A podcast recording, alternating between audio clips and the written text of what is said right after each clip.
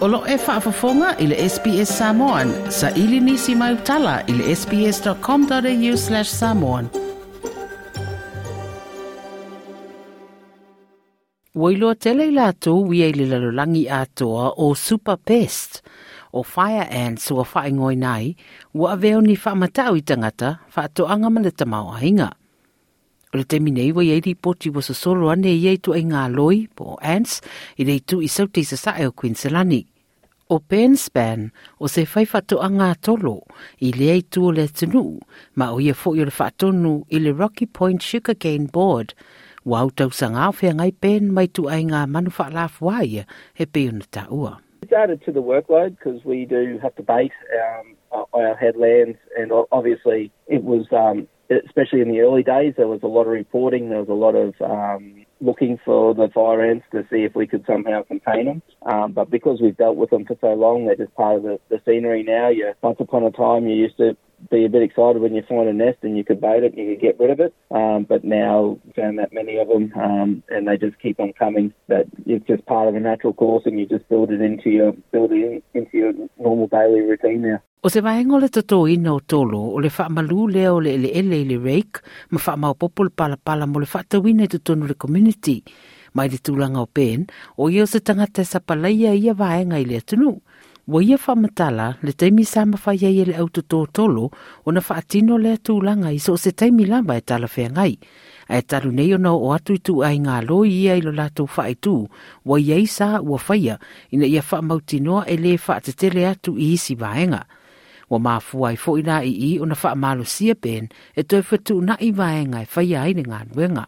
It just meant that the operation um, had to be a lot more um, economical and a lot faster um, to be able to do everything. And with the size of the the amount of land that I had, I just didn't think that that was achievable with my current staff. So I uh, I decided to give that away and let someone else do that, and I I'm mainly focused on growing the cane now. Ai ole ale popolenga tele i nei inseti a o fea fo i o mai ai.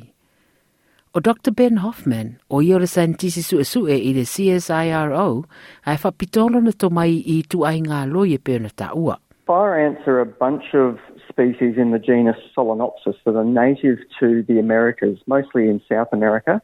And they have very powerful stings that anyone who comes across them uh, would know about. And a few of these species have uh, become established outside of their native ranges, and particularly into the southern United States. Uh, and now, for at least one of or two of these species, uh, elsewhere in the world. E au fia i tu ai ngā loia, loia wha o fire ants, ma le red imported fire ants, le whai mai Hoffman, e au pito sidi atu ona matautia. O i tu e ngā loia, o loo mawai le tu i sauti sa sae o Queensland. Ua whaamanino e Dr. Hoffman e le māsani ai, a ua wa ai e fōringa o loi nei, nā anga ima māo mai lawa i Australia mai Amerika i saute, mai e whaate ia i le mawhai o na whaatino le atūnanga. Ua o loi e mawhai o na malanga mai ino fuanga mamao mai lungo waa whai la pe fia mai fo i waa lele pe whire Ants are incredibly good at being hitchhikers, which is why we now have so many uh, exotic ant species in places all around the world. And there's, there's nothing really deliberate in all of this. Uh, they just end up in goods that we transport. And there was um, a couple uh, incursions in particular in Queensland uh, where the ants were associated with equipment uh, that had been uh, manufactured in the likes of Texas for uh, a refinery construction, and they were in that somehow. Ua whai a sile fia o tangata i reitu i sautei sa sae o Quinselani i le mataupu lenei ua whai sile wana tūlai mai. o se ripoti sa tu ina i whainga mā loa stete ma te vitori le rua tau sanga taruai le a fatu a wha lawi loa loa i ere vai asa taruai.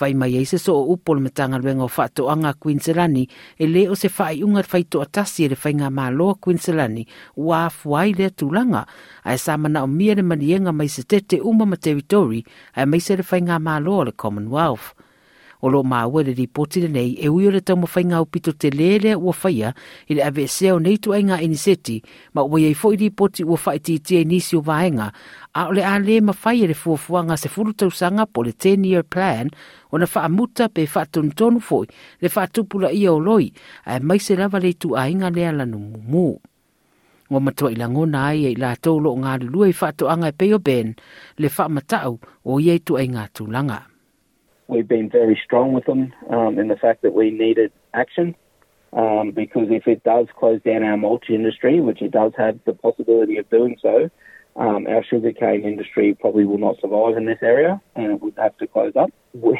we, we've been very engaged with them right from the start, but um, the attitude that they've had even from the very beginning um, never impressed us um, we never ever really got the responses that we would have liked. O leiru longa le masino o kuso lua filua tasi, na whaidoa ai o le tau mawhai e tau fiofi ma whaatonu tonu pe tau fia foile sa solo o le whaatupula ia o ia loi, ai le ia o maile olimpeka le lua fe tolu sfuru i Brisbane, o le a whaatoa o na mawhai o na tau nuu, pe a whaie whaia ni suinga te tele i vaenga uma, e au fiai ma le wha matu uatu leo o le tolu sa lau miliona mai le Commonwealth, se tete ma teritori atu ai ma le lua se lau lima sepulu miliona mai le whainga malo Australia mai si agents e fō i aire nei tūranga. Sa unor minister of whato anga Queensland yo Mark Ferner i se pepo whaamtaranga mai le whainga malo Queensland sa to lātou whaamatu oi le ono sutasi miliona i te tono reisi whātau sanga a anga i le national program pe ona whaanaunua mai le tala whātau le Tupe. ua ia faailua ua whaanga ane le mwhai ngā le isi tolu su miliona mai le rua whelua tasi le rua whelua sifuru ono se au po o se task force whaapitoa la latou auaunaga i le whae o le whae i nofoaga o loo puna fanau ai o le National Program sa amatalia ina ua maua mo le rua i taimi Fire and i le whae tū leo Queensland i le rua whemaratasi. fai mai le ripote le taimi nei pe a mare 23 kilomita o loo va ai le vaenga ua o ane ne iai fire ants ma le tua oi o Queenslandi ma New South Wales. Mori Mau Ben o le whaamata ue le ngata i le au fai whaato a ngā tolo.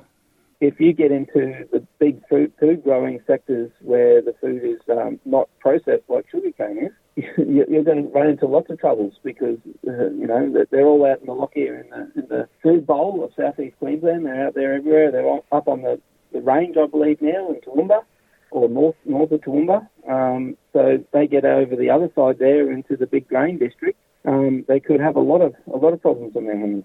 e ngata lai le whaamatao o nei loi le sio sio maanga e whapea fo le tūranga le tamau a inga, ae mawhaifoi o na awe mawhaamatao i tangata soifua e wi e le fa ilo ina lava peli li po tie of stadia se tu langa wa fe se soi fu se tasi o no ye tu ai ngaloi ha wa fa ma wina ele invasive species council e valu se fulu di ma le tanga ta wa ma di di ma lo telo america ona ole anaphylactic shock po o le talia tu le tangata allergic pe a u se insetti Fa mai Dr. Hoffman o se popolenga lea mō Australia pe a fai e wha awau pere wha te leina o iei tu ai ngā in seti. we do know from the science from around the world that 3% of the population anywhere will have a very high reaction to fire ants, which typically means anaphylactic shock and hospitalisation. And it's those people that are at risk of death.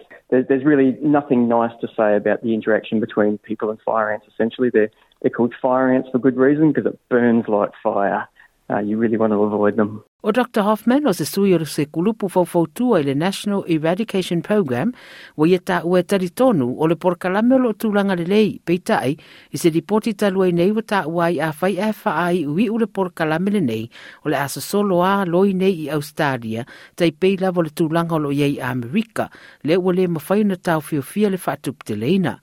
Fai mai Hoffman o moe moe whainga te fōu e pe o drones ma DNA e ai.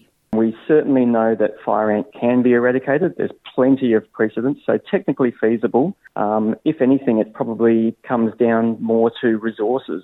This is probably the largest potential uh, eradication of an ant in the world, and so at, at, you know, we're, we're really pushing the limits here of what can be achieved um, with the resources that are, are uh, available. Even if it took another five to 10 years of holding this ant in place until better technologies were available to deal with it in a much quicker fashion, well, that in itself would be a great win for, for science and for Australia and, and biosecurity in general. o fa so ta ier mata nga rengo fa to anga fa nga fa ma ma ma tua mo sa la to fa mata langa i nei mata upu a le li poti sa tu fa sia katriona stirat sps news ye ma fa li wina mo lo si la fia i le nei fo mata upu like share ma fa ali so fina ngalo muli muli i le sps samon i le facebook